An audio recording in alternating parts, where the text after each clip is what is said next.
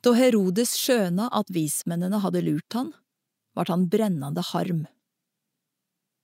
Han sendte ut folk og drap alle guteborn i Betlehem og nabolaget som var to år eller yngre. Dette svara til den tida han hadde fått vite av vismennene. Da vart det oppfylt, det som er tala gjennom profeten Jeremia.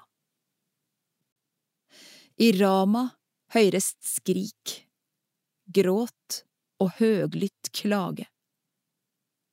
Rakel gret over barna sine og ville ikke la seg trøysta, for dei er ikke meir. Fra Egypt til Nasaret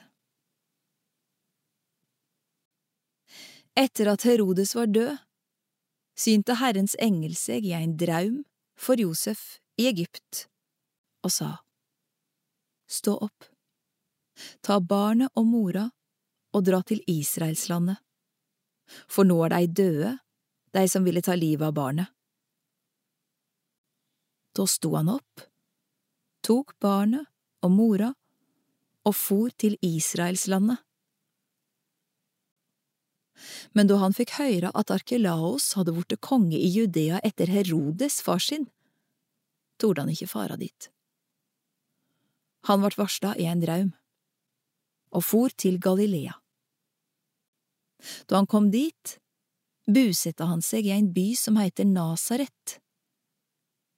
Slik skulle det oppfyllast, det som er tala gjennom profetane, at han skulle kallast Nasarear.